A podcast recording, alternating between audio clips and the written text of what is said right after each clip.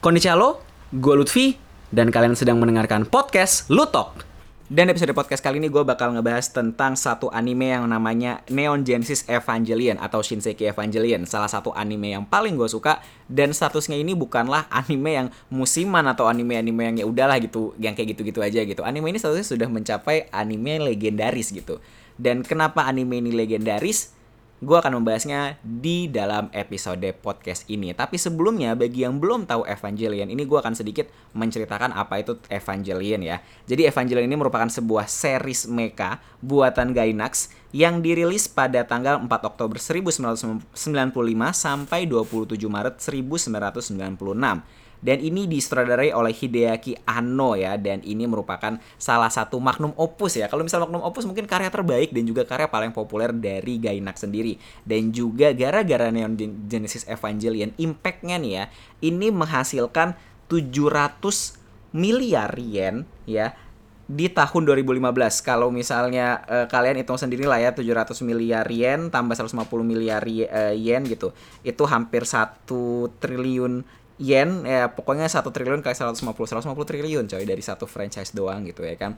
Dan Evangelion ini nih sebenarnya zaman pas zaman pas tampil tampil di awal gitu kan zaman zaman tampil di awal ini sebenarnya tidak ter, uh, show yang memang tidak terlalu laku banget gitu loh. Lakunya malah ketika episodenya semakin ke, semakin ke atas gitu kan semakin episode-episode ke 10 ke atas dan impactnya setelah Evangelion ini selesai gitu loh. Dan Evangelion ini merupakan buah pemikiran dari sutradara Hideaki Anno yang tak lain yang tak bukan orang yang paling bertanggung jawab atas proyek ini gitu loh. Dan uh, bener-bener merupakan salah satu sutradara anime yang gue sendiri kayak Eh, nggak uh, ada maksudnya kayak apa ya? Kayak Evangelion sendiri tuh nggak ada loh yang bisa match sampai sekarang gitu loh. Dan Evangelion ini sampai sekarang masih menjadi cetak biru ya alias blueprint alias template ya.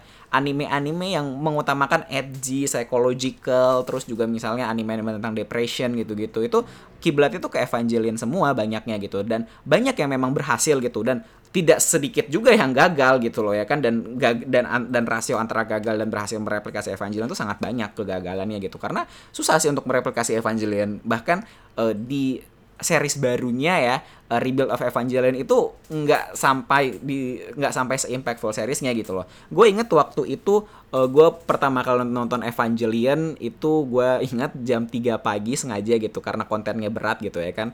Uh, dan gue sangat-sangat ini seriesnya ini dan gue sangat-sangat wow. Gue terdiam gitu karena gue gue jujur gini gue jujur kalau misal gue jujur anime yang menurut gue mengubah gue menjadi seperti sekarang gitu ya kan demen Jepangan demen anime atau ya you call it otaku gitu itu Evangelion gitu. Dan gue waktu itu nonton Evangelion di TV lokal uh, rebuildnya yang rebuild satu sama dua wah seru gitu kan robot-robot gitu. Terus gue nonton seriesnya bela-belaan di warnet sampai jam 3 pagi eh sampai jam 12 malam download filmnya gitu kan di Indo Webster gitu kalau misalnya ada yang tahu gitu. Dan gue nonton itu di jam 3 gitu ketika semua orang tidur gue nonton itu di DVD gue colok ke USB gue nonton gue terdiam gitu. Gue kayak wow ini sangat berat gitu. Gue ingat di episode 24 25 gue gak bisa tidur. Beneran gue gak bisa tidur anak kelas 2 SMA 15 tahun seusia Shinji waktu itu persis ya. Nonton Evangelion coy. Gue gua sampai gua sampai bener-bener stand dan itu merupakan salah satu anime yang mengubah hidup salah satu anime yang mengubah hidup gue sih. Dan ketika gue rewatch lagi impactnya bener-bener kerasa sampai sekarang gitu. Dan sebenarnya bukan gua doang gitu uh, yang yang membuat Evangelion ini menjadi otaku gitu. Maksudnya abis nonton Evangelion kayak wah akhirnya lu dwelling akhirnya lu masuk ke dalam dunia anime gitu. Warga Jepang pun juga begitu kebanyakan gitu. Dan gara-gara Evangelion gitu loh Evangelion Evangelion meledak gitu sampai-sampai episode terakhir episode terakhir dari series yang sangat-sangat kontroversial gitu. Orang-orang di Jepang ini yang dulunya merasa malu menjadi seorang otaku tiba-tiba muncul ke permukaan menjadi seorang otaku gitu. Tiba-tiba mereka menunjukkan bahwa ya gue suka anime gue suka Neon Genesis Evangelion. Jadi Neon Genesis Evangelion ini bukan hanya sebuah tontonan tapi menjadi sebuah identitas bagi mereka gitu. Dan sangat impactful sekali pada waktu itu gitu. Dan kenapa bisa sampai impactful dan e, sampai um sampai 26 tahun mendatang gitu ini masih banyak yang diomongin gitu loh. Bahkan sampai 30 tahun lagi 35 tahun lagi Evangelion masih menjadi e, buah bibir di masyarakat gitu ini gue akan menjelaskan kenapa Evangelion menjadi sebuah anime legendaris dan kenapanya kita harus track back dulu ya. Kita harus mencari tahu dulu kenapa sih uh, sa uh, salah satu uh, sutradaranya atau kreatornya nih Hideaki Anno ini bikin Evangelion gitu. Evangelion ini tercipta karena waktu uh, dari buah tangan Hideaki Anno. Hideaki Anno sendiri tuh wah tokusatsu oh fans tokusatsu mentok banget coy. Dia pokoknya wah ibarat kata kalau dia cuni ya ya dia cuni Ultraman lah intinya gitu. Dan dia waktu itu um, bikin waktu masih masih masa-masa di kampus gitu waktu itu bikin animasi namanya Daikon Daikon 4 itu buat uh, convention atau buat acara lah ya acara konf acara uh, sci-fi film-film sci-fi kayak pokoknya konferensi-konferensi kayak ya semacam-macam Indonesia Comic Con gitulah tapi versi uh, Jepang gitu ya kan tapi isinya science fiction semua film-film kayak Star Wars, Star Trek dan uh, Gundam terus juga Macross dan teman-temannya gitu ya kan itu ngumpul semua fansnya di situ ya kan dan dia bikin animasi openingnya yang membuat orang-orang kagum gitu dan kalau misal lalu uh, nonton di YouTube Daikon 4 opening animation lu akan kagum sih karena kayak lu, nonton lu nonton animasi tahun 81 coy itu gerak-geraknya mulus banget gitu kayak mm, terus pakai lagu Electric Light Orchestra Twilight kayak gue nontonnya kayak wow gitu loh. Dari situ uh, Hideaki Anno bersama teman-temannya akhirnya bikin studio namanya Gainax gitu. Nah pas bikin Gainax uh, dia dia itu akhirnya ya udahlah uh, kerja kerjain banyak proyek gitu. Dan banyak proyeknya uh, di Gainax itu kebanyakan gagal maning ya kan proyek-proyek Gainax gagal banyak gagal total gitu ya kan. Uh, mereka waktu itu per, uh, Hideaki Anno tuh sebelumnya sih Hideaki Anno sebenarnya dapat kerjaan dari uh, banyak tempat gitu ya kan. Salah satunya dia mau hampir hampir masih hampir menjadi staff Ghibli tetap ya. Kan di waktu itu di Hideaki Anno tuh e, gambarin Nausicaa. Kalau misalnya di Nausicaa lo udah nonton Nausicaa lo ngelihat ada monster yang gede yang nganga. Ya kan monster-monster yang nganga itu nah itu buatan Hideaki Anno tuh e, animasinya. Dan pas gue lihat kayak wow pantesan Evangelion bisa dibikin kayak gini gitu. Jadi proyek sebelum Evangelion, uh, proyek Gainax sebelum Evangelion, namanya Nadia The Secret of Blue Water, ceritanya bagus, bagus, tapi sayangnya gagal di pasaran. Dan akhirnya karena uh, Hide, karena Gainax ini sudah banyak menghasilkan anime-anime yang gagal di pasaran, akhirnya gak studio yang dia bangun bersama teman-teman ya Gainax ini hampir bangkrut gitu loh, hampir udah nggak ada duitnya lagi gitu. Dan wajar gitu ketika lo menjadi sebuah uh, co-founder dari sebuah startup ya dari sebuah company gitu lo nggak ada duit pasti lo akan masuk masuk dalam masa-masa depresi masa-masa wah pokoknya masa-masa down gitu karena kayak semua semua yang lo keluarkan semua yang lo anggap laku gitu ya kan nggak laku di pasaran gitu ya kan dan akhirnya si Dekenon ini jatuh ke dalam uh, jurang uh, kedepresian gitu. Dan pas masuk ke dalam jurang ke kedepresian itu gitu dia kayak nyari cara gitu kan. Aduh gimana gimana caranya gue produksi anime baru? Gimana caranya gue produksi anime hits gitu ya kan? Dan akhirnya dia bertemu dengan yang namanya uh, salah satu petinggi dari King Record gitu. Di waktu itu pas lagi minum gitu dia bilang gitu ya dah ini gue modalin dah uh, lu bikin anime lagi gitu ya. Ya udah pas apa namanya pas dibikin dimodalin bikin anime lagi akhirnya dia bikin lagi gitu ya kan uh, salah satu anime gitu dan sampai sekarang Evangelion gitu. Sebenarnya Hideaki Anno sendiri uh, kalau misalnya dibilang animenya bagus banyak yang bagus sebelum Evangelion sendiri. Dia waktu itu sebelumnya pernah bikin Nadia waktu itu dia juga sempat menyutradarai salah satu anime yang menurut gua salah satu terbaik sepanjang masa yaitu Gunbuster gitu. Dan menurut gua kayak wow gitu ya kan. Gue waktu nonton Gunbuster sendiri pun gue sedih gitu karena kayak Anoni sangat-sangat jenius gitu pas gue nonton Gunbuster gitu. Tiba-tiba dia uh, scene-scene-nya yang apa namanya yang awalnya menggembirakan wah tiba-tiba bisa terakhir hitam putih dan depressing gitu kan dan dan dan dan melankolis gitu. Gue kayak wow gitu. Sampai ada tulisan Okairi itu yang gue langsung kayak gila ini anime robot di awal-awal anime robot. Wah gitu. Tapi tiba-tiba jadi hitam putih terus Okairi gitu. Gue salah Hano tuh bener-bener bisa ngebreak banget sih bisa ngebreak limit dari medium anime itu sendiri dan itu ditumpahkan ke Neon Genesis Evangelion gitu ya kan.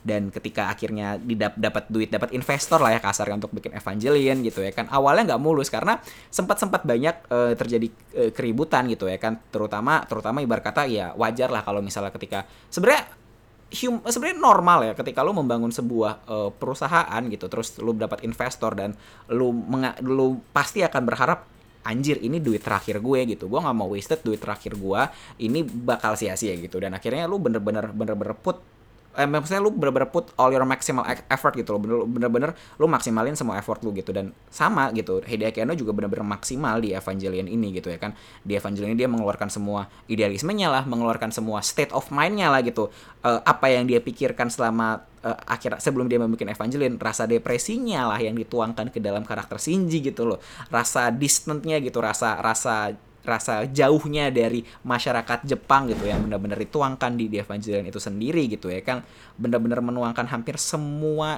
idealisme lah menuangkan unek-unek di situ gitu ya kan dan akhirnya ini banyak membuat orang-orang awalnya bingung gitu kayak e, no lu bikin apa sih gitu loh? Kok begini banget gitu? Ini yakin mau dijual gitu kan orang-orang bingung pada awalnya bikin Evangelion dan proses Evangelion sendiri menjadi sebuah anime yang kita tonton sampai sekarang bukan gampang gitu loh. Ano pun juga ketika sebelum bikin Evangelion depresi, pas bikin Evangelion juga depresi juga gitu karena ya wajar gitu dia pengen put the best bener-bener ingin yang terbaik gitu kan membuat Evangelionnya dan akhirnya wah pokoknya banyak sih scene-scene yang memang itu ibarat kata sebenarnya curhatan dia di dalam situ gitu ya kan. Dan pada akhirnya dia uh, bilang di Evangelion itu pada akhirnya tema-tema seperti depresi, mencari jati diri gitu kan, terus juga uh, loneliness, terus juga isolation, isolasi diri gitu itu sangat-sangat kuat gitu. Dan menurut gue sendiri kenapa itu bisa terjadi gitu kan Evangelion itu kenapa bisa terjadi dan menurut gue bisa sampai dark seperti itu gitu. Karena memang uh, sebenarnya Evangelion sendiri merupakan hampir sebuah kalau menurut gue pribadi ya setelah gue uh, lihat lagi gitu kan.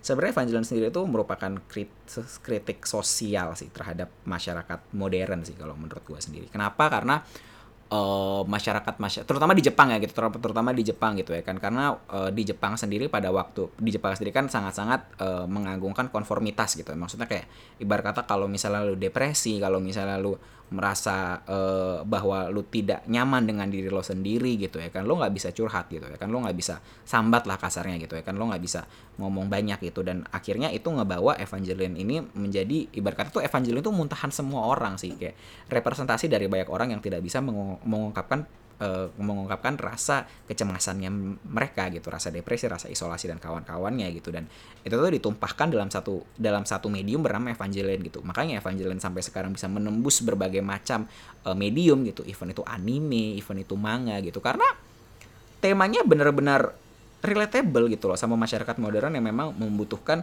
yang memang akhir-akhir ini sering banyak yang namanya uh, lonely terus juga banyak-banyak mengisolasi diri gitu dan banyak-banyak uh, de, uh, banyak-banyak depresi gitu ya kan. Dan akhirnya itu tadi gitu Evangelion menjadi representatif itu gitu ya kan. Dan uh, ini balik lagi kalau misalnya lu merasa tidak nyaman maksudnya merasa uh, sudah mulai-mulai menunjukkan rasa-rasa depresi atau loneliness gitu kan atau isolation gitu loh. Please uh, telepon orang-orang terdekat yang bisa lo andalkan dan bisa menjadi support system buat lu agar lu bisa moving forward ke depannya. Ini sudah mungkin ini sudah gue uh, bilang di berbagai macam episode podcast Lutok sih. Uh, please stay safe, stay sane apalagi di kondisi-kondisi seperti ini uh, please stay alive. Dan kalau misalnya ada depresi segala macam uh, please seek out orang-orang yang benar-benar uh, profesional dan orang-orang yang memang ibaratnya bisa lu percaya untuk meredam sih rasa depresi lo itu. Baik lagi ke Evangelion. Apa sih yang membuat Evangelion ini sampai benar-benar uh, legenda banget gitu?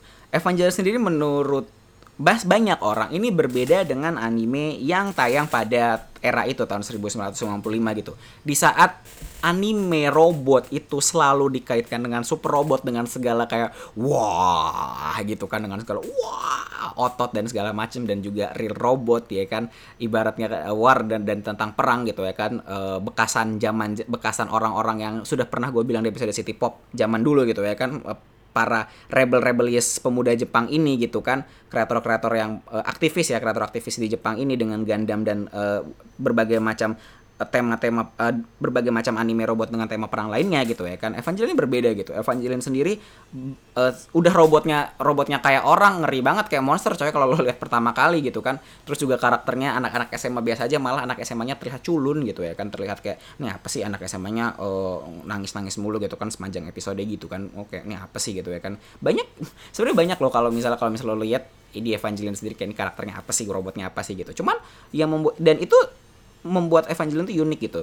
Dan itu juga membuat Evangelion berbeda dari yang lain gitu. Karena Evangelion benar-benar baru baru banget karyanya. Baru ada yang seperti itu di dunia anime gitu. Dan karena sangat-sangat relatable dengan penontonnya gitu dia tidak dia tidak membicarakan tentang perang yang terlalu jauh untuk masyarakat Jepang saat itu gitu. Karena ya ampun masyarakat Jepang sudah hingar-bingar dan sudah sudah apa namanya sudah makmur lah ya pada zaman itu gitu ya kan. E, meskipun udah ada mau bubble-bubble tuh ya kan mau ekonomi bubble udah mau turun gitu kan. E, sudah mulai maksudnya sudah mulai ada duit gitu kan nggak amat dan tentram gitu ke keamanannya gitu ya kan. Dan mereka juga sudah mulai bosan dengan otot-otot dan segala macam yang sudah dipropagandakan dari era 70-an dan 80-an gitu ya kan. Evangeline ini muncul sebagai sesuatu yang fresh sesuatu yang sangat humanis sih menurut gue sesuatu yang sangat uh, manusiawi dibandingkan dengan karya-karya anime pada umumnya gitu. Uh, Evangeline selalu berbicara tentang apalagi terutama di episode-episode terakhir siapa sih diri kita gitu ya kan. Evangeline selalu berbicara tentang apa sih yang lo mau, apa sih yang lo harapkan gitu, apa sih yang lo pengen achieve di dunia ini gitu ya kan. Dan itu sangat-sangat terjadi di dua episode terakhirnya yang sangat-sangat kontroversial. Menurut gua sendiri Evangelion adalah salah satu anime yang paling jujur yang paling gua tonton. Yang bener-bener autentik yang benar-benar dia tidak ingin dia tidak ingin terlihat wah gue pengen menunjukkan sesuatu yang begini begini begini begini. Enggak gitu loh. Dia pengen sebenarnya kayak orang pengen curhat aja gitu. Orang pengen curhat terus dimuntahinnya di di dalam suatu anime gitu. Dan menurut gue sendiri uh, ketika ketika gue nonton lagi Evangelion dan mungkin lu akan merasakan hal yang sama di dua episode terakhirnya itu merupakan dua episode terakhir yang menurut gue salah satu best moment di anime sih kenapa karena di dua episode terakhir itu dia tidak menanyakan dia tidak mencerit dia tidak menyelesaikan ceritanya tapi menanyakan kepada diri penonton gitu ya kan Uh, siapa sih diri lo? Ya balik lagi tadi yang gue bilang siapa sih diri lo? Lo pengen apa di dunia ini? Apa yang lo harapkan dari orang-orang di sekitar lo? Dan ketika Shinji sudah menemukan jawaban itu gitu ya kan apa sih yang apa sih yang lu pengen M di dunia ini? Akhirnya muncullah uh, adegan Omedeto ya kan? Karena memang itu gitu ya kan karena memang Ano tuh pengen bilang gitu.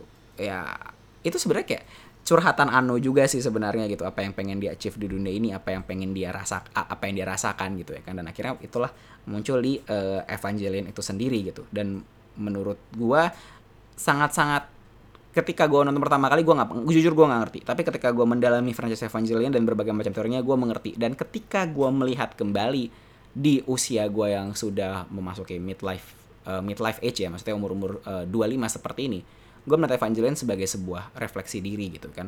Kayak ibarat kata itu merupakan salah satu anime yang ada karya anime yang itu tuh sangat-sangat realis dan sangat-sangat jujur gitu. Dan itu benar-benar bertanya kepada diri lo sendiri lo mau jadi apa sih sebenarnya? gitu it hits me hard sih sebenarnya sih. Dan itu mungkin yang membuat orang-orang di Jepang sendiri merasa terpelatuk gitu kan merasa kayak wah apa nih? Kok kita nggak dikasih episode endingnya kita malah dikasih pertanyaan ya kan. Kayak wah apa nih eksistensialisme diri? Gue nggak peduli tentang eksisten eksistensialisme diri. Yang gue mau tahu adalah ini gimana Evaunit 01 ke depannya ya kan. Ini gimana Asuka? Asuka mati atau kagak nih? Ya kan. Rei kayak gimana nih ke depannya nih? Rei mati atau kagak? Atau Shinji mati atau kagak? Gitu kan. Orang-orang Jepang lebih peduli seperti itu dan akhirnya Ano sendiri mendapatkan banyak uh, death threat gitu maksudnya uh, uh, apa namanya banyak ancaman lah ya ancaman untuk berkata mati aja lo sana gitu kan. Banyak banget gitu karena merasa episodenya ini nggak selesai gitu.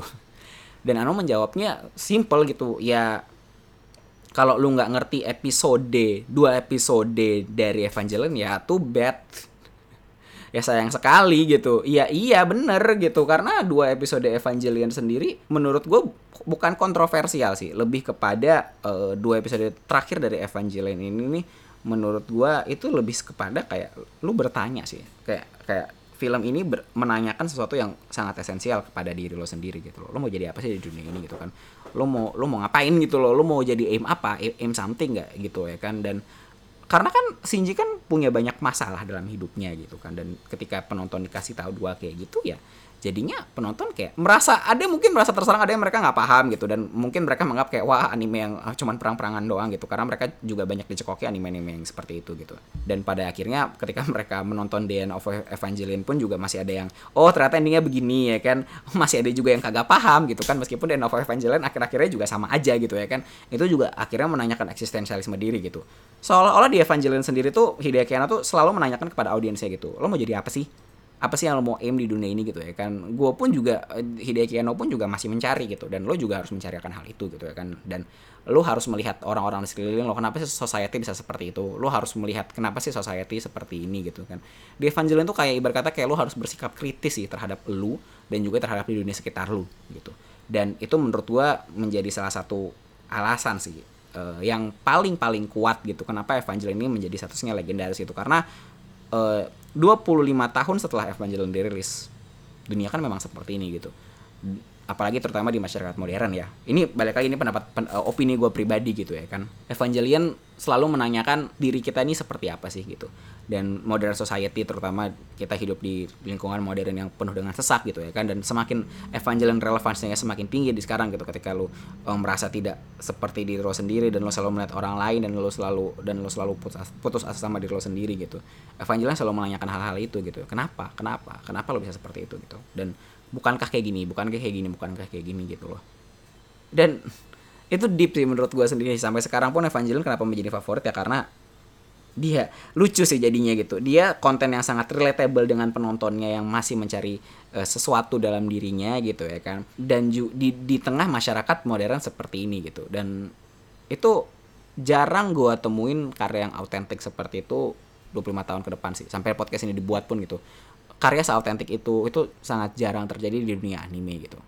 Karya yang jujur berkata kepada diri sendiri bahwa gue tidak oke okay, gitu loh. Bahwa gue mengalami hal yang sangat-sangat tidak mengenakan gitu. Depression terus juga uh, kok apa uh, isolation merasa tidak nyaman dengan lingkungan gue sendiri gitu. Merasa tidak nyaman dengan diri gue sendiri.